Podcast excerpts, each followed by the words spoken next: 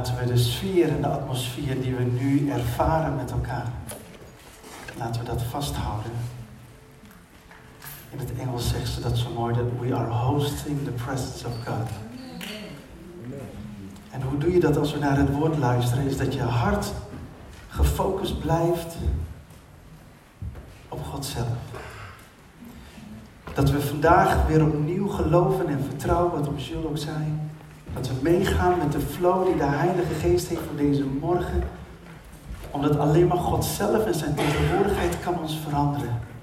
Meer kennis en meer principes van Gods woord gaat jou niet per definitie veranderen. We hebben geen rationele relatie met God, maar we hebben een hartsrelatie met God. En ik wil met jullie graag naar het boek Exodus hoofdstuk 3. Goedemorgen overigens. Maar laten we naar het boek Exodus gaan, hoofdstuk 3. Ik wil dat je met me meeleest, of misschien wordt het wel op de beamer getoond. Lieve mensen, ik zeg het heel vaak en ik blijf het doen. Het woord is een persoon. En zijn naam is? Is Jezus. Het is echt een persoon. Als wij zo meteen gaan lezen, dan lezen wij iets over wie God is. En daar kun je je voordeel mee doen. En er staat in, hoofdstuk, uh, in Exodus hoofdstuk 3. En ik begin heel even bij vers 1. En hier gaat het over de roeping van Mozes. En ongetwijfeld zul je dit al vaker hebben gelezen. Maar als de Heilige Geest een paar dingen tot rema begint te blazen, dan kunnen we daar ons voordeel mee doen. En er staat in vers 1, Mozes nu was gewoon de kudde van zijn schoonvader Jethro, de priester van Midjan, te hoeden. Eens toen hij de kudde naar de overkant van de woestijn geleid had, kwam hij bij de berg Gods. Horeb. Daar verscheen hem de engel des Heren als een vuurvlam midden uit een braamstruik. Hij keek toe en zie, de braamstruik stond in brand, maar werd niet verteerd. Mozes nu dacht, laat ik toch dat, wonder dat wondere verschijnsel gaan zien waarom de braamstruik niet verbrandt. En toen de Heere zag dat hij het ging bezien, riep God hem uit de braamstruik toe. Mozes, Mozes. En hij antwoordde, hier ben ik. Daarop zei hij, kom niet dichterbij, doe uw schoenen van uw voeten, want de plaats waarop gij staat is de heilige grond. Even tot zover. Het leven van Mozes is eigenlijk in drie delen gewoon op te delen. Eerste deel is de eerste 40 jaar groeit hij op in Egypte. De tweede 40 jaar is hij in Midjan, hij is gevlucht. En de laatste 40 jaar van zijn leven is hij in de woestijn. Hij wordt in totaal 120 jaar oud. Dat is een mooie leeftijd, hè? 120 jaar. Het thema voor vanochtend is eigenlijk jouw eigen hart overwinnen. Er is iets waarin er in ons hart soms dingen kunnen zijn dat ons onrustig maakt. Dat je eigenlijk in strijd bent met je eigen hart en dat je aan het zoeken bent van wat is mijn roeping. En er wordt heel vaak over roeping gesproken in de kerken. Maar ik merk ook dat we soms een gebrek hebben aan discipelschap hoe ga je je roeping uitoefenen? Hoe doe je dat concreet?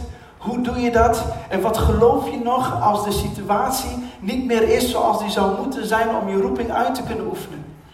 En ik merk steeds meer in de jaren dat ik nu het woord mag brengen en met mensen spreek, is dat ze wel geloven dat ze een roeping hebben, maar niet weten hoe ze het moeten uitoefenen.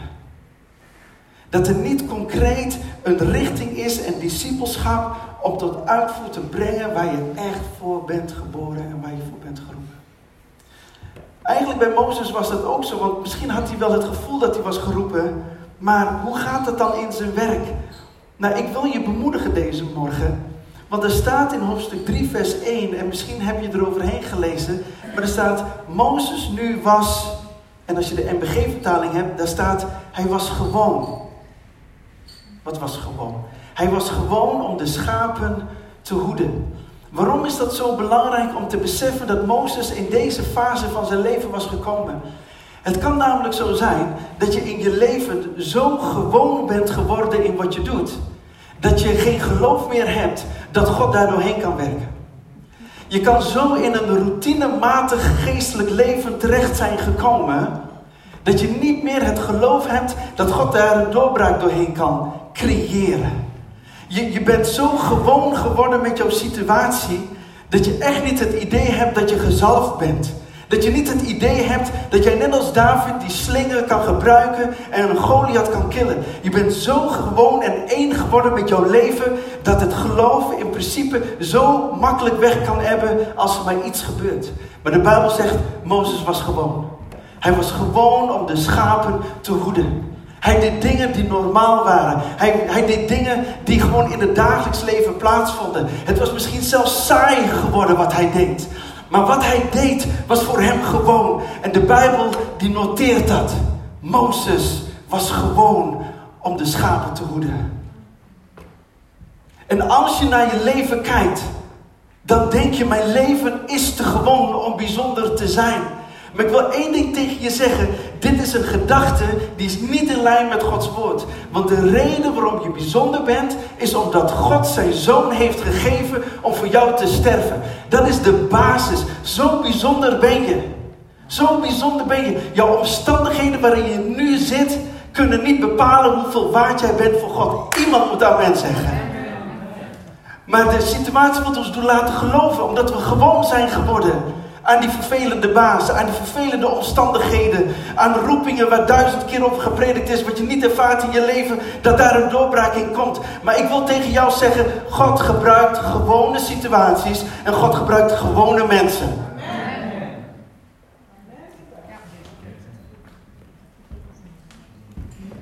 En God zegt tegen Mozes, of de Bijbel zegt over Mozes, hij was gewoon. Even voor jouw geheugen, even opfrissen. Deze man is een van de grootste voorgangers die de Bijbel ooit heeft gekend. Hij zag gewoon de tien wonderen, de schelfsteen spleet open door een staf uit te strekken over het water. Deze man was gewoon om de schapen te hoeden.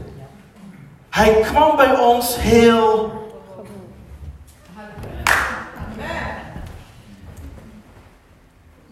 Dus het maakt me niet uit in welke situatie je zit, hoe gewoon die ook is voor jou. Satan ziet nog steeds dreiging.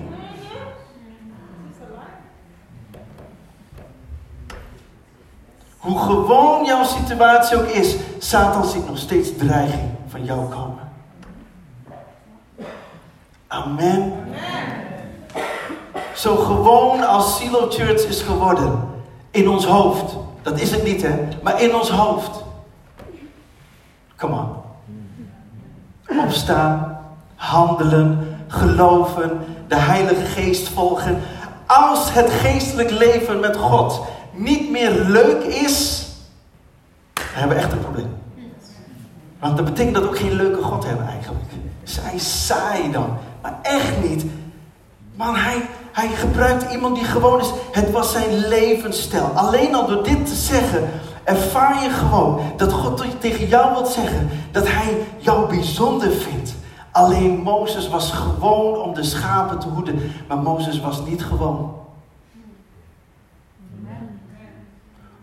Hij was niet gewoon. Dat geldt voor jou ook. Dat geldt voor u ook. Je bent niet gewoon. Je bent niet zomaar. Je bent geen nummer in de maatschappij. Misschien willen ze dat wel doen laten geloven. En je bent belangrijk. Ook al zeggen ze tegen jou dat je niet belangrijk bent. Of misschien hebben ze het nog nooit gezegd. Je bent het wel. Maar onze God is niet gewoon, Hij is bijzonder. En dan staat er dat Hij de, de kudde aan het woeden was. Ja, en? Ik zou kunnen zeggen, ik heb geen schapen, dus ja, ik, mijn leven is niet hetzelfde als Mozes. Maar in die gewone situatie dat Mozes de schapen aan het woeden was, was God Mozes aan het voorbereiden voor een roeping waarvan hij niet eens wist dat hij die roeping had. Schapenhoeden was niet alleen maar omdat het nodig was voor zijn schoonvader. De schapenhoede was ook omdat God al een plan zag die Mozes niet zag. En daardoor moest hij gewoon de schapen hoeden, zodat hij werd voorbereid voor een taak en voor een roeping waarvan hij niet eens wist dat hij was geroepen voor die taak. Ja, en nou naar vandaag. Misschien doe je al jaren dingen op het werk die gewoon zijn, wat routinematig is geworden. Misschien woon je al jaren in een buurt waarvan je zegt: Ik zou eigenlijk wel willen verhuizen. Maar wat de situatie ook is, ik geloof dat God zo specifiek aan plannen werkt. Dat in jouw gewone dagelijkse werkzaamheden er altijd wel één of meerdere elementen zitten die je nodig hebt om je roeping te kunnen volvoeren. Alleen hij traint jou. En soms is het goed dat je niet weet dat je getraind wordt. Het enige wat je moet weten is dat God altijd tot zijn doel gaat komen. Als we dat zijn verloren, dan ben ik vanochtend vanuit Winterswijk via de N18 gekomen om tegen jou te zeggen. Dat in Gods plan zitten altijd elementen die je nodig hebt voor de roeping om die uit te oefenen. Zeg tegen elkaar amen. Tegen je buurman, bij je buurvrouw. Is altijd zo.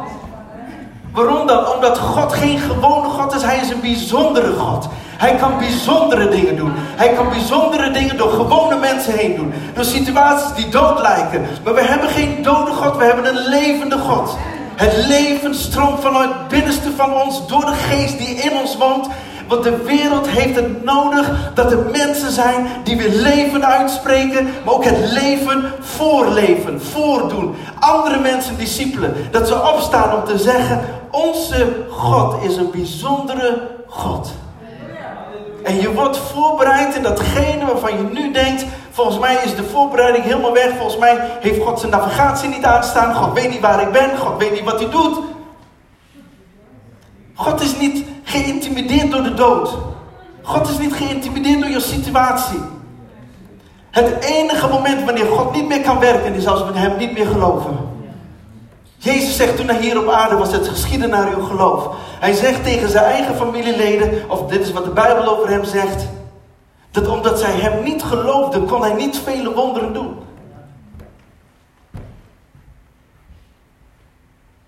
Weet je, die gewone momenten, de gewone momenten dat God het dagelijks leven gebruikt. David, die moest brood brengen naar zijn broers. Hij wist niet dat hij Goliath zou killen. Come on. Hij moest gewone dingen doen. En dit is wat ik steeds meer zie. En dit is ook wat ons gevoel soms geeft. En daardoor moeten we onze eigen hart weer gaan winnen. We moeten onze eigen hart gaan overwinnen. Om niet meer te denken dat jouw gewone leven te gewoon is dat God kan doorbreken. Dat moeten we niet meer doen. We moeten onze eigen hart gaan overwinnen. We moeten onze eigen hart onder controle gaan krijgen. Om elke keer weer te geloven dat God de gewone dingen, bijzondere dingen gaat doen. Maar als je al van jezelf bijzonder was, had je God niet nodig. Amen? Toen Saul de ezels van zijn vader moest zoeken, toen wist hij niet dat hij Samuel zou gaan ontmoeten om te horen dat hij tot koning gezalfd zou worden. Moet je voorstellen, je bent op zoek naar een ezel en je komt terug als koning.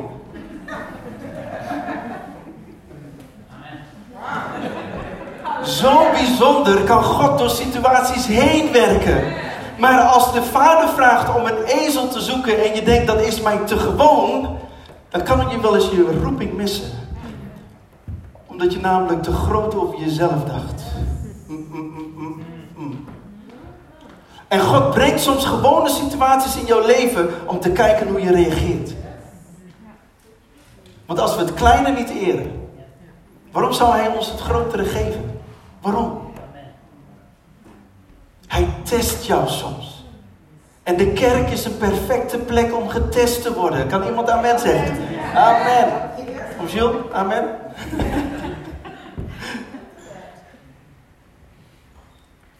Die jongen met vijf broden en twee vissen, wist hij veel? Ik kan me voorstellen, misschien s ochtends, dat zijn moeder heeft gezegd van neem in ieder geval even wat brood en wat vissen bij. Hij zegt, ja is goed. Als een soort lunch voor zichzelf, misschien een paar vrienden, weten wij veel. En God neemt het. Jezus neemt het. Hij legt het in zijn handen. 5000 mannen, vrouwen en kinderen nog niet meegerekend, worden gevoed door een gewone lunch. Come on. Enschede. Silo. Amen. Gewone dingen. Paulus, ja, dit was echt niet gewoon. Paulus was gewoon echt de gemeente aan het vervolgen, hè. En hij was wel gewoon om de gemeente te vervolgen. Onderweg naar Damascus wordt hij door God aangeraakt. En hij begint de gemeente op te bouwen in plaats van te vervolgen.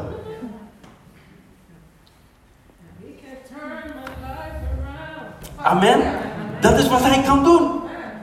Maar wij moeten ons eigen hart beginnen te overwinnen om van ons hart niet een plek te maken waarin we alles normaliseren.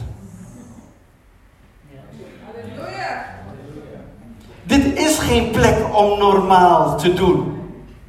Hier komen de raarste ideeën uit. Hier komen de meest uitdagende ideeën uit. Maar Satan wil jouw situatie gebruiken om alles van God en over God en met God te normaliseren naar het natuurlijke. En de Bijbel zegt dat God is geest. Hij opereert niet in het bovennatuurlijke, want het bovennatuurlijke is natuurlijk voor hem. Voor ons is het bovennatuurlijk, maar voor hem niet. Wonderen doen is voor hem het meest normale om te doen. Alleen voor ons is het bovennatuurlijk. En wij moeten in die dimensie gaan komen waarin we zeggen de meest gewone dingen kan God bijzonder gebruiken. En als je denkt dat jij beperkingen hebt, dan heb je gelijk. Alleen God kent geen beperkingen. En juist jou wil hij gebruiken. Anders had ik hier niet kunnen staan. Dan staat er van Mozes dat hij de kudde heeft geleid naar de overkant van de woestijn. En je zou kunnen zeggen, nou ja, weet je, dat is gewoon even om context te schetsen. Maar de theologen zeggen, Mozes was ver van huis. Hij was ver van huis. Dat zegt mij een paar dingen. Hij was de kudde aan het leiden, woestijn, s'nachts koud, overdag warm. Waarom ga je met al die schapen helemaal gewoon naar de andere kant van de woestijn lopen? Waarom? En dan moet je ook nog gewoon daar buiten slapen. Ik was gewoon in een straal van een paar kilometer gebleven. Dat als het avond wordt, dat je gewoon terug naar huis kan. Heerlijk bij je vrouw kan slapen. De schapen in het hok. Gewoon genoeg eten en drinken. En daar blijven. Nee, Mozes niet. Mozes had besloten om naar de andere kant van de woestijn te gaan lopen. Dit zegt iets over wie hij is. Hij was bezig met de schapen. Hij werd voorbereid door God dat hij offers wilde brengen om s'nachts buiten te slapen en overdag in de hete zon om de schapen naar grazige weiden te leiden. Dit is wat Jezus heeft gedaan, want hij had beter bij de Vader kunnen blijven. Gewoon lekker daar in het paleis op zijn troon, gouden straten, engelen die alles voor je doen, geen gedoe. Nee, dat deed hij niet. Hij ging naar de aarde, hij kwam onder de wet, hij heeft pijn en moeite gedragen om jou naar grazige weiden te leiden. Hij is het lam Gods. En soms merk je dat jij van jouw huis, dat je als het ware uit je comfortzone wordt gepusht. Dat je merkt dat, waarom doe ik dit? Kennen jullie dat? Dat je dingen doet waarvan je afvraagt, waarom doe ik dit eigenlijk? Want niemand ziet dit. Niemand heeft hier wat aan. Waarom doe ik dit? Maar de Heilige Geest is jou in zijn Bijbelschool, jou aan het vormen in jouw karakter. Is jou aan het vormen dat je weet wat het betekent om offers te brengen. Hij is jou aan het vormen zodat je weet dat je soms de zon moet weerstaan en soms de kou. En dat het niet allemaal roze geur en maneschijn is, maar er is geen zegen voordat er een offer is gebracht. Ik zit er helemaal in. Tikjes. En we moeten niet meer bang zijn om tegen elkaar te zeggen dat offers brengen gezond is. Want we hebben offers brengen genormaliseerd in ons hart. Doe maar rustig aan, doe je al gek genoeg. Ik zou zeggen, doe nog gekker alsjeblieft. We moeten weer gewoon tegen elkaar durven te zeggen dat de offers die nodig zijn voor jouw roeping, breng ze. Want de Bijbel zegt dit van Jezus. Hij zag de vreugde achter het kruis. Er staat niet dat de kruis bij hem werd weggehaald. De vader heeft hem de beker leeg doen laten drinken. De vader heeft hem in Gethsemane gebracht. Dat betekent olijfpers. Hij werd als het ware geperst. Waarom werd hij geperst? Om de salfolie dat op zijn leven rustte, om die eruit te pushen. Want de salving breekt het juk. En hij kon niet eerder voor ons het juk van de zonde breken, tenzij hij zichzelf in die olijfpers liet persen. Dat letterlijk uh, het bloed naar buiten kwam. Maar dat bloed was nodig om het juk van de zonde te doorbreken. En wij gaan geen andere weg. Gelukkig hoeven wij niet, althans zover ik weet, niet zo ver te leiden. Want de Bijbel zegt, of als je dat gaat bestuderen, dat de stressfactor op Jezus was zo groot dat je lichaam daarop gaat reageren. Waardoor eigenlijk die kleine uh, bloedbaantjes, of wat het dan ook is, die knappen door de stress. En komt via je eh, zweetkleren naar buiten. Wat ik wel geloof is dat iedereen zijn Gethsemane heeft. En wat we moeten doen, is wat we hebben genormaliseerd in ons hart. Je moet je hart beginnen te overwinnen. En te zeggen, luister, niet alles is een roze geur en maneschijn. Want soms moet je gewoon aan het kruis. Niet voor je eigen zonde. Dat is al gebeurd. Maar voor de roeping dat rust op je leven. Dat naar buiten komt als we zeggen, Heer, hier ben ik. Ik ben bereid om de schapen van de ene kant van de woestijn naar de andere kant te brengen. Waarvoor dan? Ter voorbereiding. En op het moment dat hij dat deed, komt hij een brandende braamstruik tegen. Ik dacht bij mezelf, Heer, als het gaat om mijn leven, kunt u ook brandende braamstruiken in een straal van 1, 2 kilometer van mijn huis geven. Dat ik niet op die route van Mozes hoef te bewandelen. Ik bedoel, u kan toch alles. Dus waarom moet ik naar de andere kant van de woestijn om daar een brandende braamstruik te ontmoeten, om u te ontmoeten? Ik zal je heel eerlijk zeggen. God gaf helemaal geen antwoord. Ik heb het idee dat hij denkt, praat wat je wil. Maar er is altijd een route die je moet bewandelen.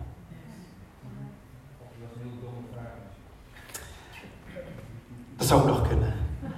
Wat heel erg belangrijk is, is dat Mozes was ergens dat hij de. Uh, nee, sorry, in Exodus hoofdstuk 2. Exodus hoofdstuk 2, laten we dat even lezen, dat is belangrijk. Dan heb je even de context.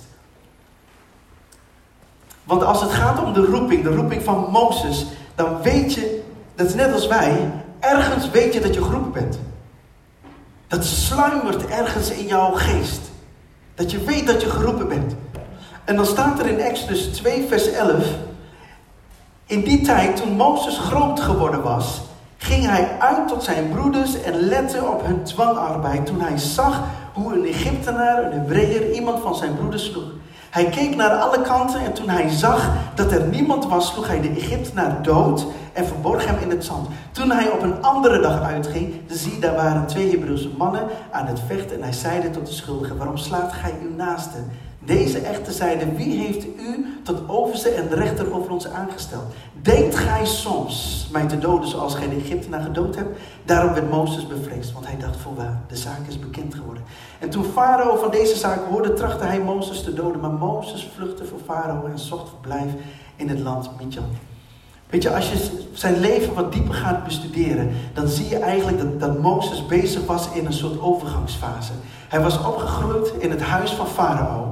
En toen op een gegeven moment was er een moment dat hij dacht, ik moet eens even kijken hoe het gaat met mijn volk. En toen zag hij dat een Egyptenaar een, een aan het uh, slaan was eigenlijk, of mishandelde. En Mozes dacht, weet je, ik ben geroepen om dit volk te bevrijden. En hij gebruikte zijn vlees, in de kracht van zijn vlees, om een Egyptenaar te doden. Dat ging niet goed. Want de farao kreeg het te horen en wilde Mozes doden. Er zijn fases in onze roeping dat we dingen proberen te creëren met ons vlees, omdat we weten dat we geroepen zijn als een bevrijder. En denken op dat moment dat wij het volk kunnen bevrijden op eigen kracht. Maar je gaat zien dat daar waar je op eigen kracht je roeping probeert te manifesteren, komt een moment van vluchten. Waarom dan? Omdat je merkt dat op eigen kracht dat dat niet de geestelijke kracht is die je nodig hebt. Je begint te vluchten voor de situatie en je verdwijnt in de woestijn. En terwijl je in de woestijn bent, weet je constant dat er een roeping rust op je leven. Je weet gewoon, er is iets. Dat ging niet goed daar, maar ik weet dat er een roeping is op mijn leven. En Mozes wist ergens dat hij de bevrijder was. Maar toen ging het verkeerd. En daarom vroeg Mozes, hè, toen God hem ging roepen, vroeg Mozes, ja maar wie ben ik eigenlijk? Het heeft een knauw gegeven in zijn identiteit. Na 40 jaar wist hij nog echt wel wat hij had gedaan 40 jaar geleden. Hij zegt, wie ben ik eigenlijk? Ehm, zullen de mensen mij wel geloven als ik kom? En God zegt tegen hem, zeg maar, ik ben die ik ben, heeft mij gestuurd. Nou, Mozes dacht bij zichzelf, ik ben die ik ben, heeft mij gestuurd. Hartstikke leuk. Maar ik worstel nog met mijn verleden. En God wil je juist in die woestijn, daarin confronteert hij jou met de dingen die verkeerd zijn gegaan. Waarom? Om je vrij te maken voor degenen die jou nodig hebben.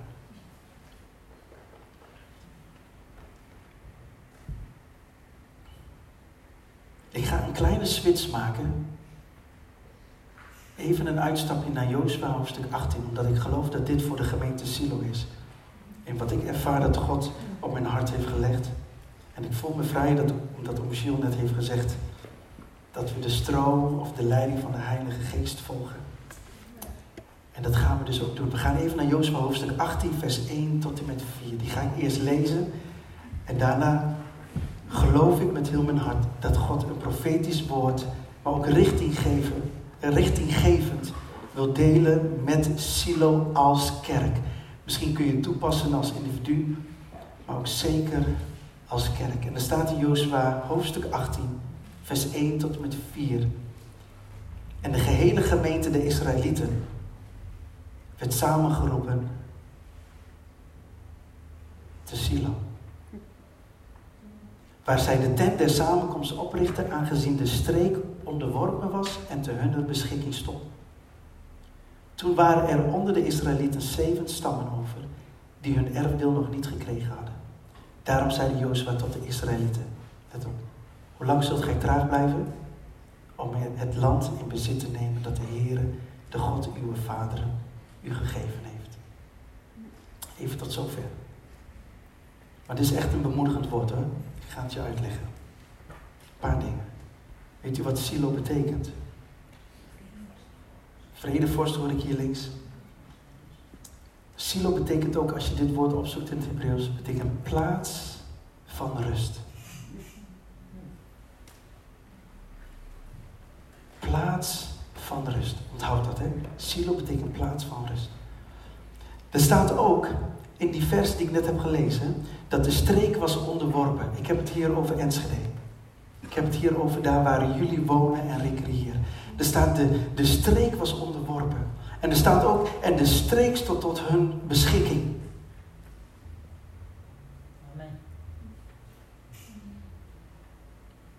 En Jozua was bezig met de verdeling van het land. Hij was daarmee bezig, want sommigen hadden nog geen verdeling van het land gekregen. En dit is de boodschap. En ik heb het opgeschreven en ik lees het ook gewoon letterlijk even voor, waarvan ik geloof, dit is voor Silo Church te Enschede. Ons hart kan om verschillende redenen onrustig en rebels zijn. God wacht geduldig tot jij jouw eigen hart hebt overwonnen. Dat jouw hart onderworpen is aan en ter beschikking staat voor het plan van God met jouw leven. Als dit realiteit is geworden, dan wordt jouw hart een plaats van rust. Oftewel, silo. Dan kan de tent der samenkomst opgericht worden. Oftewel, Gods tegenwoordigheid. Het ontvangen van Gods erfdeel is dan het resultaat van wie God is en niet van jouw werken. Dat is wat ik geloof. Voor deze morgen. Voor de komende tijd. Dat God met ons aan het werk gaat om ons eigen hart te onderwerpen. Om ons eigen hart te overwinnen. Want zolang wij in ons hart geen rust hebben, kan de tent der samenkomst niet opgericht worden.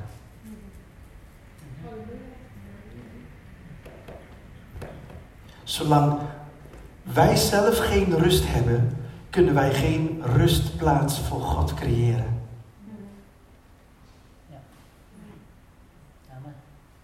Maar zodra de rust is gekomen in ons hart, gelovende dat God gewone situaties kan gebruiken om bijzondere dingen te doen, dan kan God een plek vinden waar hij zijn hoofd neer kan leggen en kan de tent der samenkomst opgericht worden. En vanwege zijn tegenwoordigheid kan hij het erfdeel aan jou toevertrouwen.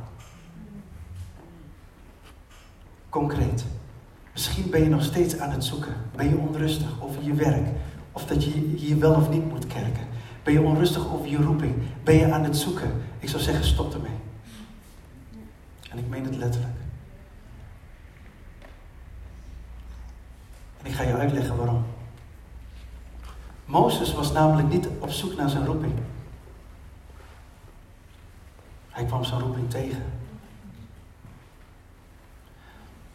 Want God weet namelijk welke route je morgen en overmorgen gaat bewandelen. En hij wist dat Mozes ver was van zijn huis. Maar God dacht, ik laat de brandende braamstruik, laat ik hem zien op een plek die hij bewandelt. Niet de plek die hij zoekt. God wist dat toen Isaï, de vader van David, toen Isaï tegen David zei, breng brood naar je broers, wist God dat op het pad van David zou hij Goliath tegenkomen. David was niet op zoek naar Goliath.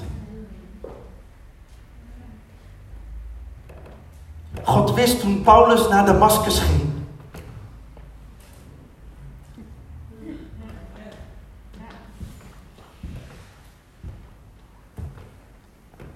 Wat moet je dan wel zoeken? God. Zijn tegenwoordigheid. Vind die rust in je hart. En ik ben echt bijna klaar. Heb ik nog heel even? De brandende braamstruik. Toen Mozes de brandende braamstruik zag, toen was het niet zozeer dat God dacht, weet je wat, ik ga iets bijzonders doen. Ik laat een brandende braamstruik, zet ik in, in brand. En dat hij dan niet verteert en dan denkt Mozes van, hé, hey, dat is bijzonder. De theologen zeggen, en misschien zeggen ze dat vandaag nog steeds wel, degene die daar bekend mee zijn met woestijnen, is dat het was helemaal niet zo bijzonder dat een brandende braamstruik in brand stond. Want het gebeurde wel vaker. Vanwege de hitte in de woestijn. Dat op zichzelf was niet bijzonder. Wat was dan wel bijzonder? Dat de braamstruik niet werd verteerd. Maar toen Mozes de brandende braamstruik zag, weet je wat God eigenlijk deed? God liet Mozes kijken in zijn hart. Toen Mozes de brandende braamstruik zag en die verteerde niet, keek Mozes letterlijk in het hart van God. Waarom dan? Als volgt. De Bijbel zegt dat God een verterend vuur is.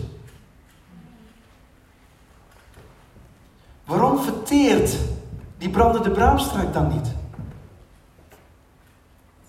Dit is het beeld. God, het verterend vuur, wil te midden van zijn volk zijn, zonder dat zijn volk verteert.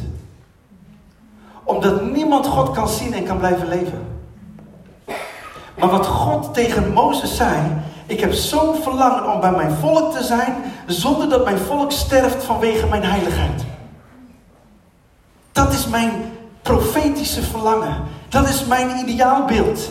En dat betekent dus dat om dat te realiseren, heeft de vader zijn zoon moeten sturen.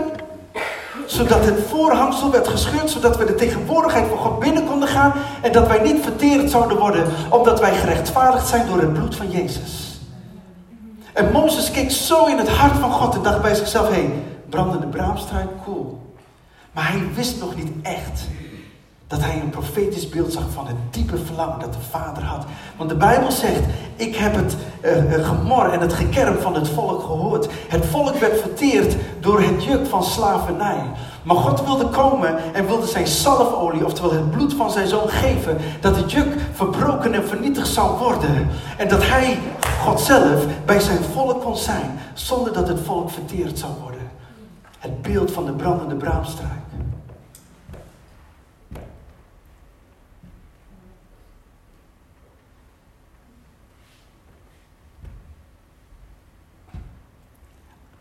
Als je gewoon je leven leeft. En je gaat morgen naar het werk of je gaat morgen doen wat je gewoon bent. Heb dan het geloof dat de jouw brandende braamstruik ergens langs de weg staat. En dan staat er, Er staat letterlijk van Mozes, ga ik heel even terug. Daar staat dat Mozes toch even ging bekijken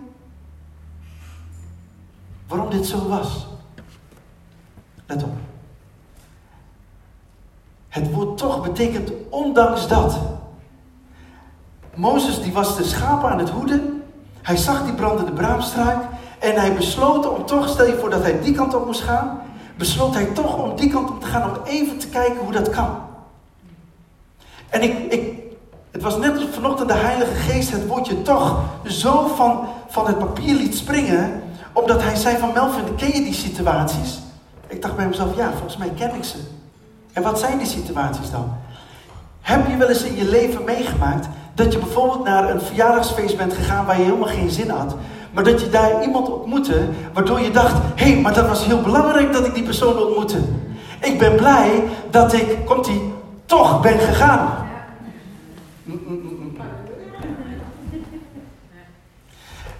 Kun je herinneren misschien dat, dat, dat iemand zo in één keer bij jou voor de deur stond en dat je dacht, oh nee, staat hij voor mijn deur. Ik heb, ik, en ik heb geen goede smoes om hem als het ware of haar weg te sturen. Ken je dat? Nee, jullie kennen dat niet hè? Nee, maar op, een gegeven moment... Dat er iemand voor de deur staat en die laat je binnen en die brengt zo'n bemoediging. En die bemoediging had je nodig en dat je achteraf denkt, ik ben zo blij dat ik hem toch binnen heb gelaten. Ken je dat? Dat je, dat je een vacature, uh, dat je daarop hebt gereageerd en dat je denkt, ja weet je eigenlijk, ik, dat wordt toch niks, want ik ben niet gekwalificeerd om dat te doen. Maar ik ben toch een sollicitatiebrief gaan schrijven. En God heeft daar toch doorheen gewerkt. En Mozes, die ging toch even kijken wat daar gebeurde. En toen begon God toch tot hem te spreken. Ondanks alles. Het zit hem in de details, het zit hem in de kleinste dingen. Wat wij als mens verwerpen, kan God gebruiken voor een doorbraak in jouw leven.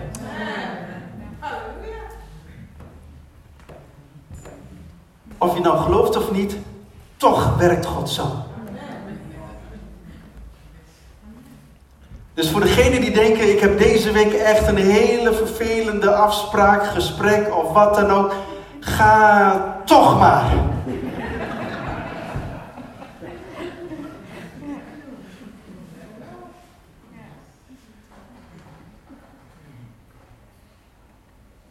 Mozes besloot om de brandende braamstruik te gaan bezien. Oftewel, nou komt hij. Hij nam de tijd om God te aanschouwen. Hij nam tijd om God te aanschouwen. Hij nam de tijd om in de rust van God te komen. Wauw. We moeten ons hart gaan overwinnen. Door situaties hebben we ons eigen hart hebben genormaliseerd tot het gewone. Maar ik wil je adviseren deze morgen om toch een andere weg te gaan bewandelen. Onze God is een grote God, amen. Zullen we samen gaan staan? Corrie, wil je mij even helpen?